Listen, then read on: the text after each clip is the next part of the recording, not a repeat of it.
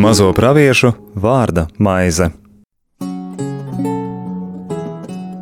Slavēts Jēzus Kristus. Studijā Stela. Šoreiz būšu viena, jo Anželai daudz darba, jo gads tuvojas noslēgumam, un tas ietekmē gan mūsu darba dzīvi, gan daudz ko citu. Un noslēgumam tuvojamies arī ar šo nelielo ieskatu Amosa grāmatā, jo, ja pat mēs nodarbotos tikai ar svēto rakstu pētīšanu no rīta līdz vakaram un katru dienu, un uh, valsts mūs par to barotu, nu pat tad mēs neizsmeltu ne mazu, mazu daļiņu no tā visa, kas tur ir pateikts, jo katrs jauns notikums arī pasaulē un pati vēstures gaita jau ļauj caur svētajiem rakstiem atklāt kaut ko jaunu. Un iepriekšējā reizē mēs lasījām, sākām lasīt Amosa grāmatas septīto nodaļu, un tikām jau diezgan tālu par Amosa redzējumiem. Un redzējām tādu momentu, ka aizlūgšanai ir ļoti liela nozīme, ka kungs aiztur savas dusmas, ka dievs neliek notikt tām mocībām, tai sodībai, pa, nākt pār ziemeļu karalisti, pa kuru viņš redzējumā brīdina Amosu. Lasot tekstus par šiem diviem redzējumiem, Nu, galā tā kārtīgi tikām gan tikai ar pirmā redzējuma aplūkojumu, sapratām, ka Dievs visu redz vienlaicīgi, ka pie viņa nepastāv lineārā laiks, lineārā izpratnē, kā mēs to saprotam, ka Amos redz jau šos notikumus, kas vēl ir paredzēti tikai nākotnē, jau kā notiekošos. Kā viņš redz tās parādības sapnī, vai garā, vai vēl kā, tas arī nav pateikts. Acīm redzot, tas nav tik būtiski.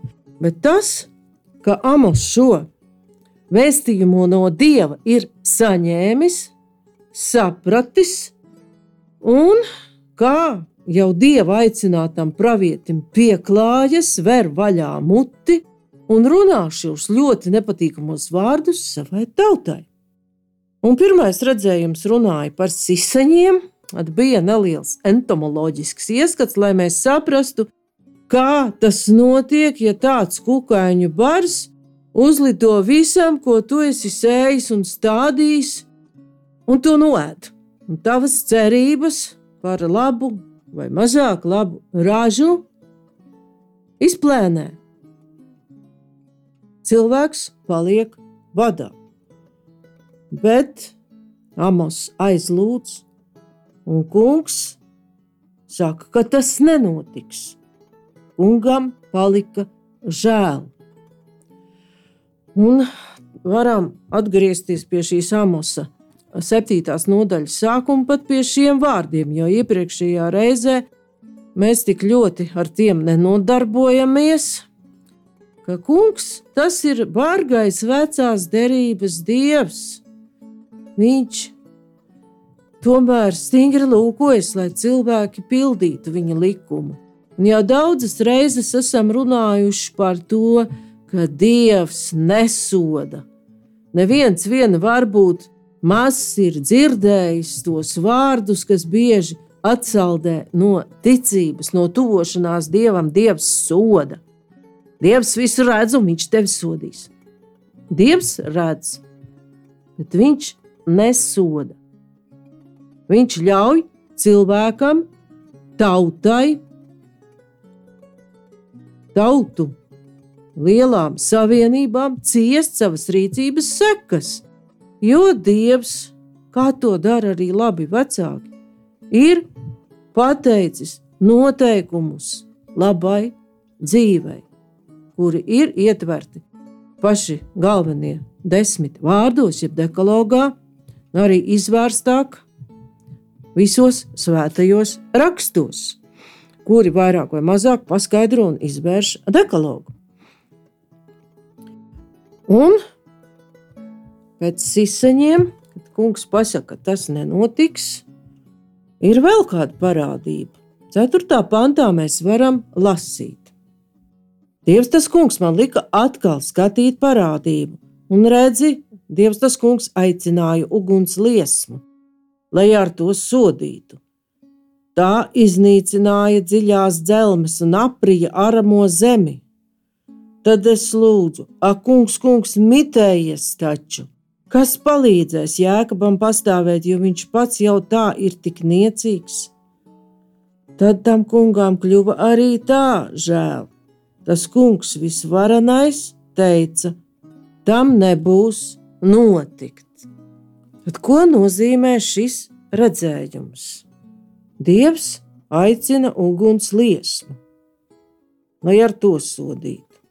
Iepriekš mēs redzējām kukaiņus, un uguns šeit ir saistīta ar citu sodu, ar cita veida mocību jo redzam, ko dara šī uguns. Iznīcina dziļās dzelmes un aprī āramo zemi. Tad, tad zemkopis, cilvēks, kas ir cerējis uz rāžu, nevar to izaudzēt, jo nav dziļo dzelmju ūdeņu. Tad nav ūdens. Tur ir runāts par ļoti, ļoti lielu sausumu. Tik lielu sausumu, ka izsīkst pat pazemes ūdeņi. Jo ūdens šajās valstīs, arī svētajā zemē, ir ļoti, ļoti svarīgs. Jo jau pat, ja mēs apskatām radīšanas stāstu, arī tur ir redzamas ūdens upes. Ūdens apūdeņo visu zemi, lai tā būtu auglīga. Radīšanas grāmatā, otrajā nodaļā, mēs varam lasīt. Un upe iztecēja no ēdenes apūdeņot dārzu, un no turienes tā dalījās četrās galvenās straumēs. Viens vārds ir pišona, tā plūst apkārt visai Haviles zemē, kur ir zelts un šīs zelta, zemes zelts ir labs. Tur ir arī aromātiski sveķi un oniks. Otras upes vārds ir Gihona, tā plūst apkārt visai kuša zemē. Bet trešās upes vārds ir Hidekele, tā plūst austrumos no Asuras. Ceturtās upes vārds ir Eifrata. Un Dievs tas kungs ņēma cilvēku un ielika viņu ēdenes dārzā, lai viņš to koptu un sargātu. Tad šeit redzam, ka upju ūdeņi uz četrām pusēm plūst, tātad tie apūdeņo visu šo dieva radīto dārzu, šo viņa radīto pasauli, kurā vēl nav grēka un visa ir pietiekami. Tieši par tādiem dziļo ūdeņu avotiem mēs varam lasīt radīšanas grāmatā, kur ir aprakstīti noasa plūdi tad tur jau ūdens darbojas kā stihija, kas soda, kas ļauj cilvēkam ciest viņa rīcības sekas. Jo atcerēsimies, ka, kāpēc šie plūdi notika. Kad Dievs redzēja, ka cilvēku ļaunums augtim auga zemes virsū, un ka viņu sirdsprāta tieksmes ikdienas vērsās uz ļaunu, tad Dievam kļuva žēl, ka viņš cilvēku zemes virsū bija radījis Viņš savā sirdī ļoti noskuma. Arī šeit mēs lasām, ka Dievs nepriecājas, ka viņam ir jāpieļauj šīs cilvēku rīcības sekas. Viņš noskuma.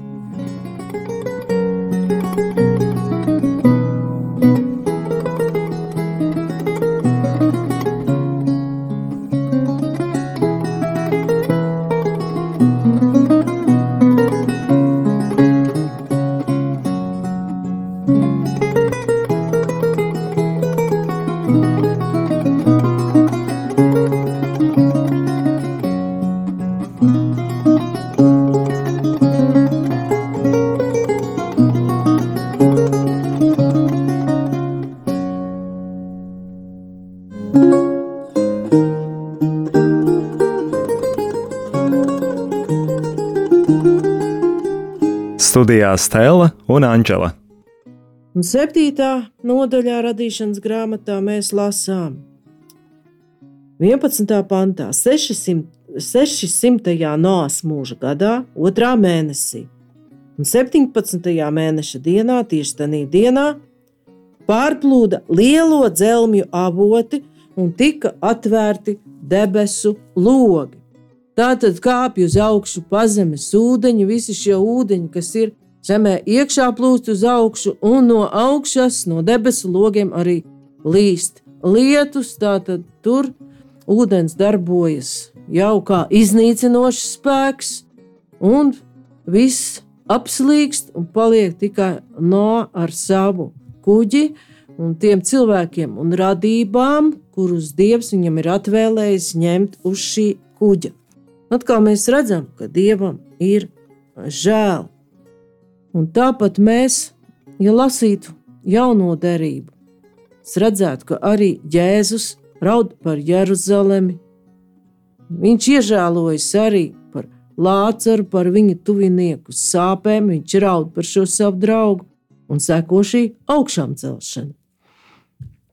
Tad uh, Dievs tomēr jūt līdz cilvēkiem un meklē pat vismazāko iespēju, lai varētu apžēloties.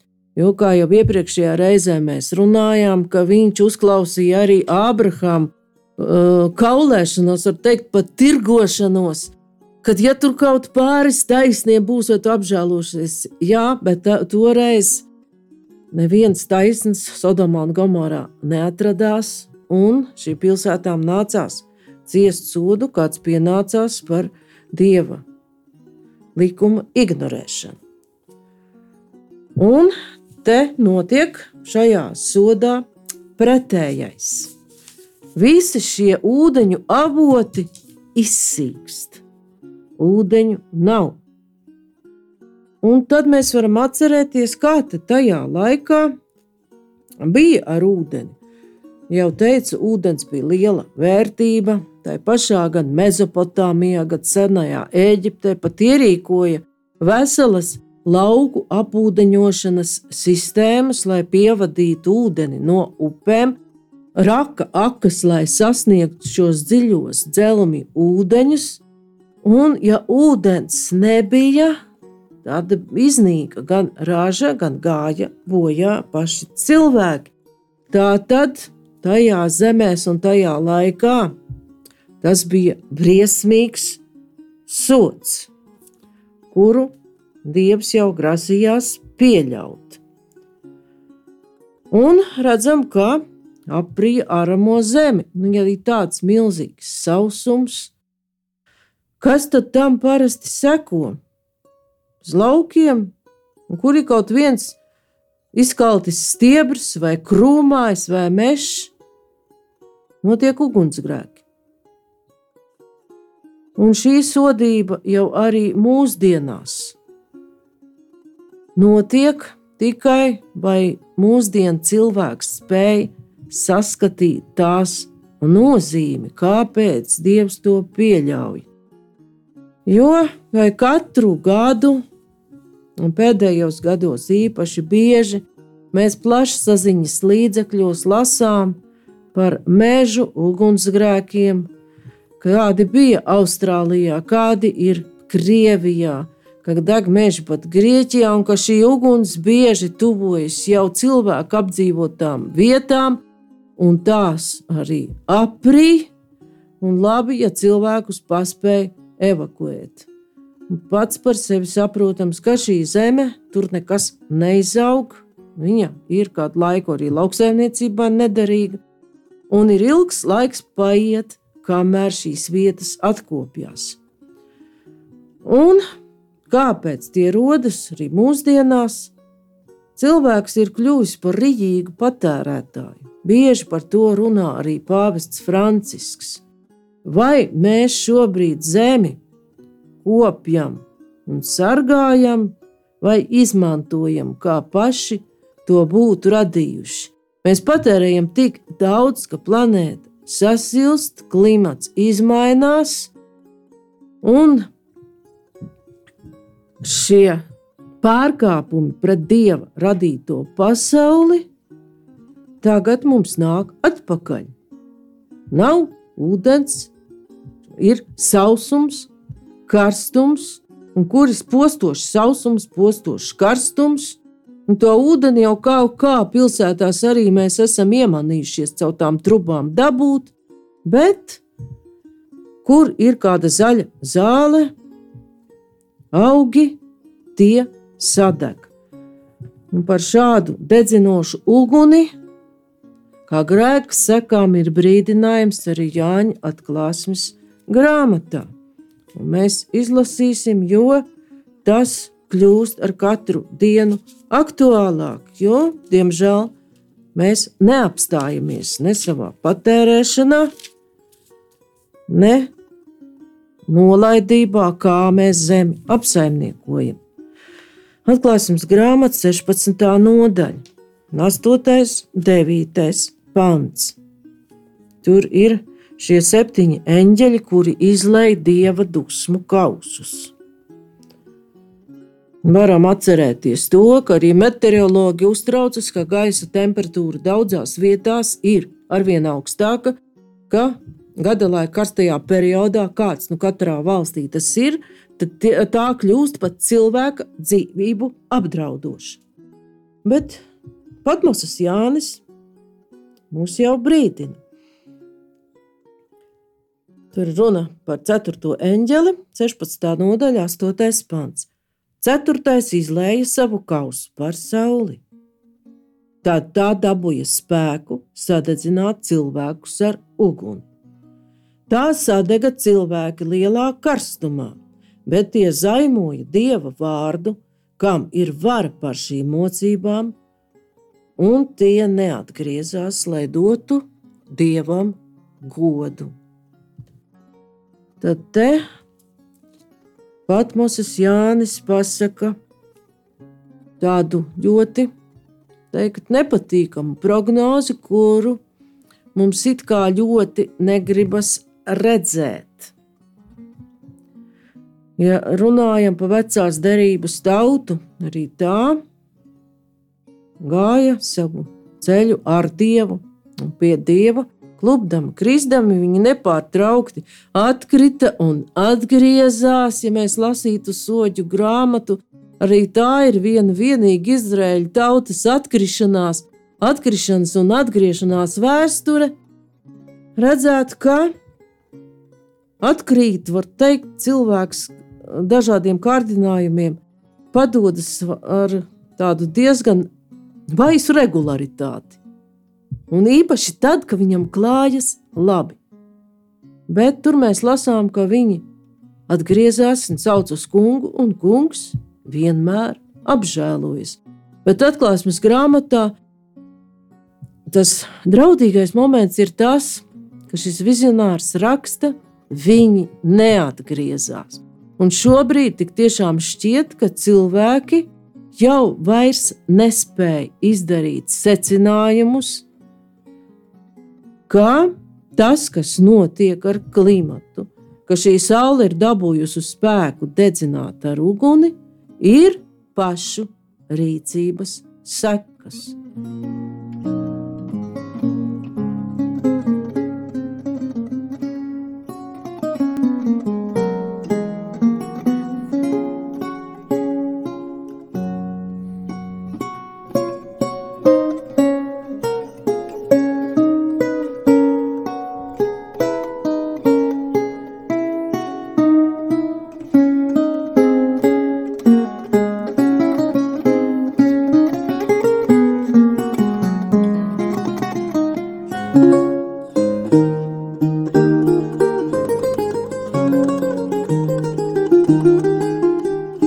Studijā Stela un Anģela.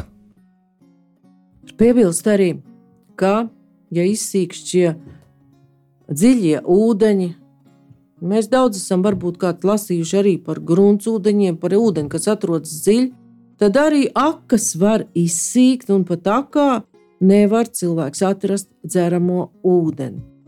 Tātad kaut gan tas brīdinājums ir īss,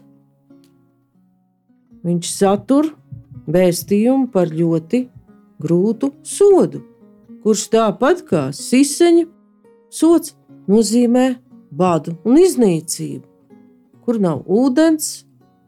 Cilvēki panīkuši, tur ātri klāt ir arī dažādas slimības un dažāda veida cits posts, kas vēl pat šeit nav aprakstīts. Bet Amas redzējumi turpinās. Par uguns sodu kungs saka, ka viņš to atcels. Tam nebūs notikt. Kungam ir žēl. Bet 7. pāns, 7. nodaļā jau mums vēstīja. Viņš ļāva no, man no jauna skatīt parādību. Un raugi, tas kungs stāvēja uz stāvas mūra sienas, un svērteņa augla ar svinu galā bija viņa rokā Un tas kungs man jautāja, ko tu redzi, Amos? Es atbildēju, svērteni ar svinu galā. Tad tas kungs sacīja, redzi, es gribu iegremdēt savu svērteni pašā vidū savai Izraēļa tautai, un turpmāk es vairs nemaz nebūšu saudzīgs pret to. Nē, bet īzaka kalnu altārs nopostīs un Izraēlas svētumus sagraus, un pret Jerobeāma nāmu es celšos ar zobenu rokā. Tad pēc šī redzējuma nekāda apžēlošanās vairs nav sagaidāma. Kungs pat uh, runā dialogā ar Amosu, viņš Amosa uzmanību koncentrē uz šo vēstījumu, tu uzdodot jautājumu, ko tu redzi Amos, ka tas, ko Amos redz, ir ļoti svarīgs, ka šis simbols ir būtisks un pievērš uzmanību arī tam, ka kungs vairs nebūs saudzīgs. Kas tas ir par svērteni un kāpēc tieši šāds ir šis redzējums? Šņori ar svinu tajā laikā bija celtniecības instruments. Ar to pārbaudīja, vai celtne nav šķība, tad vai viņa ir derīga tai funkcijai, kādai tā tiek celta.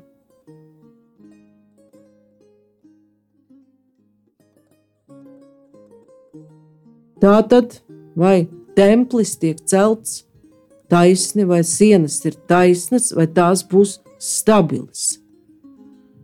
Un šādus mērierīces izmantoja jau ļoti sen, visā šajā senajā pasaulē. Tādu metodi izmantoja arī, kā izrādās, senajā Eģiptē un arī daudz kur citur, lai pārbaudītu šo celtnes konstrukcijas stabilitāti. Celtniecības rīki, mērierīces ir arī varam lasīt par tām. Piemēram, Ecehela grāmatā arī tur ir minētas tādas celtniecības mērierīces, 40. nodaļa un 3. pants.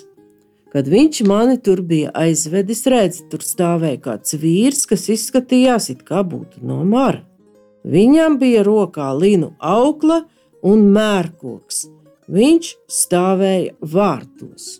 Tad tur nav tieši svins, tur ir mērkoks, līnu aukla, bet arī ar to tiek kaut kas mērīts un atzīts vai nu par derīgu, vai nederīgu. Vēl varam lasīt par šādu mērīšanu, bet tur pravietis izsēž jau to izskaidro tuvāk, kas tas ir ko nozīmē šis simbols. Izsēja grāmata 28.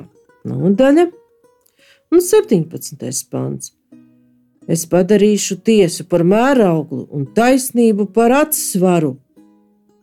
Krusa aizraus melu aizsegu, un ūdens plūdi aizskalos viņu paslēptuvi. Tad jūsu derība ar nāvi zaudēs spēku, un jūsu līgums ar elli vairs nepastāvēs. Kad soda briesmas nāks ar savām bangām, tās jūs satrieks. Tad kunga tiesa un taisnība ir šī mēraukla un tas atsvars.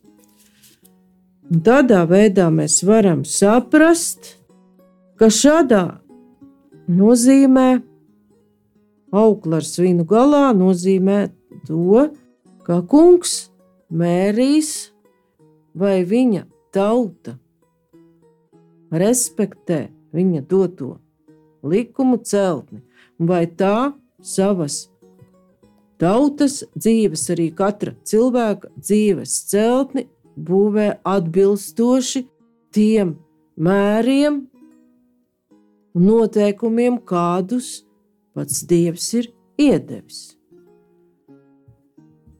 Jo jāatceramies vēl mērīšana, arī izmēri minēti atklāsmes grāmatā, kur ir jaunā Jeruzaleme, kuras izmērs, ja varētu teikt, ir jau ideāls un precīzs, jo tā nonāk no debesīm. Tad arī tur ir runa par šo mēru un mērīšanu, un pateikts, cik pilsēta gara, plata un kāda tā izskatās. No te ir liels augsts mūrs un 12 vārti. Pilsēta celta četrstūrī, tā ir atklāsmes grāmata 21. nodaļa. Tikpat gara, cik plata, viņš mērīja pilsētu ar niedri. Tad tas, kas rāda pats Kristus, tur ir tas, kas dod atklāsmi Jānim, arī lieto mērinstrumentu. Šajā gadījumā tā ir niedre. Tur bija ap 12,000 stadija, tās garums, platums un augstums bija vienādi. Tad viņš mērīja tās mūris, 144 olektis pēc cilvēku mēra, kas ir eņģeļa mērs. Tad arī tur pats dievs mēra šīs pilsētas stabilitāti un kvalitāti, un mēs redzam, ka tā ir ideāla, ka tā ir stabila un ka tā jau pieder mūžībai. Un šis redzējums noslēdzas ar brīdinošu vārdu. Kungs saka, es vairs nebūšu saudzīgs pret to, tas ir pret šo tautu. Bet Izāka kalnu altārs nopostīs un Izraēlas svētumus sagraus, bet Jerabeāma namu Pret Jerabeāma namu es celšos ar zobenu rokām. Tas pats teksts atkārtosies citā veidā. Jau se, septītās nodaļas noslēgumā, jo septītās nodaļas otrajā daļā ir runāts par Amacijas apsūdzību Amosam, un ka Amos jau pasaka, Jerabeām varētu tā teikt galvu priesterim, dieva spriedumu, kāds tas būs. Un kādā veidā tad dievs ceļas pret vienu vai otru tautu ar zobenu rokā, viņš atļauj nākt iekarotājam. Viņš pieļauj karu kā visas šīs tautas, kas nāk kā iekarotāji un domā, ka viņas ir lielas un varenas, viņas ir tikai zobens kunga rokā. Un, kad apspiestā tauta sāk domāt, kāpēc tas tā ir noticis, tad ļoti bieži notiek šī atgriešanās un sauciens uz kungu, un kungs apžēlojas. Konkrētajā gadījumā tā bija Asīrija, Un kā 17. pantā, jau tas ir 7. nodaļas noslēgumā, ir teikts, Zobens nesīs nāvi taviem dēliem un tavām meitām, tavu zemi izmērīs ar mērījamo auglu, atkal šī mērīšanas augla, un izdalīs. Tu pats mirsti nešķīstā zemē, bet Izraels tiks vestin, aizvests projām no savas zemes. Var teikt, ka šis pravietojums sāka jau izpildīties, kad Asīrijas ķēniņš Tīglatpalasars 734. gadā pirms mūsu ēras daļu ziemeļu karalistes iedzīvotājus aizveda gūstā. ka nevaram paspēt pat apskatīt visu septīto nodaļu, jo katrs vārds, kā redzam, satur tik lielu vēstījumu, kas ir aktuāls arī mums šodien un tagad. Septītās nodaļas otro daļu mēs lasīsim nākamajā reizē, un redzēsim šos um, Amosa sarunu ar Bēteles priesteri Amaciju. Un mēģināsim saprast, kas ir pateikts ar šo notikumu. Gan Ziemeļkaralistes dzīvē toreiz, un kā tas attiecas uz mūsu dzīvi šodien. Bet par to nākamajā reizē studijā bija Stela. Paldies par uzmanību! Izskanēja raidījums Mazo praviešu vārda maize.